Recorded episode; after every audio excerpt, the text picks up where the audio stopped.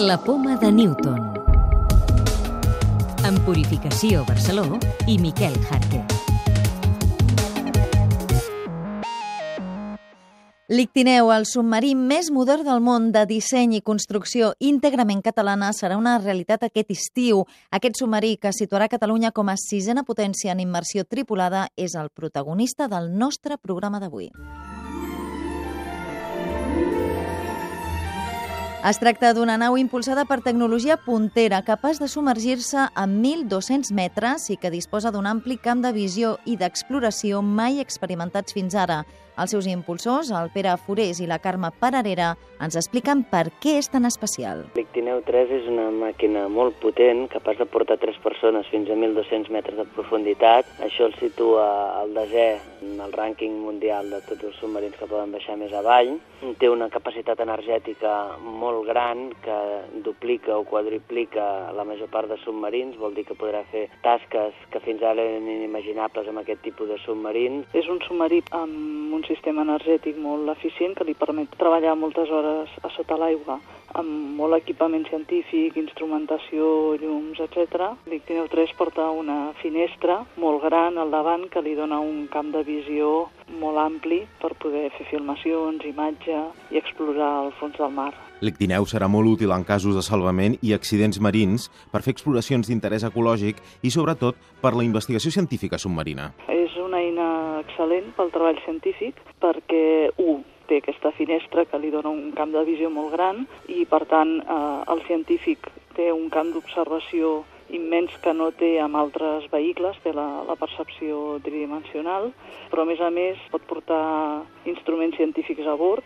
Però, a més a més, el submarí obre la finestra a un sector amb molt de futur. El sector de la tecnologia submarina té un potencial brutal a nivell econòmic.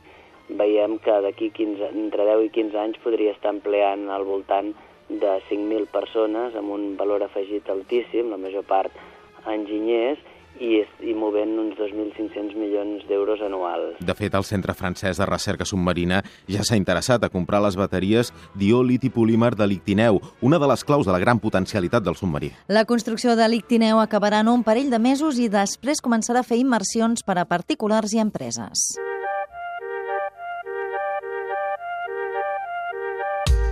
Avui també us parlem de l'Observatori Espacial Herschel, que tanca 3 anys d'investigació de l'univers més fred. L'Observatori de l'Agència Espacial Europea ha esgotat l'heli líquid dels seus sistemes de refrigeració, indispensable per mantenir els seus instruments d'observació. El Herschel ha realitzat en 3 anys més de 35.000 observacions científiques. Investigadors catalans identifiquen un nou subtipus d'atàxia. Un miler de persones a Catalunya i 8.000 a l'Estat tenen aquesta malaltia que degenera el cerebel i afecta la coordinació de moviments. La troballa permetrà fer nous diagnòstics i un millor assessorament genètic a les persones portadores de l'alteració que causa la patologia. Científics nord-americans aconsegueixen per primera vegada implantar cèl·lules mare humanes al cervell per guarir deficiències neurològiques. El trasplantament d'aquestes cèl·lules mare ha aconseguit restaurar la memòria i l'aprenentatge en ratolins. L'assaig obre la porta en el futur a poder reparar danys cerebrals en malalties com ara l'Alzheimer. La clau de volta. Per què les pedres poden rebotar en l'aigua?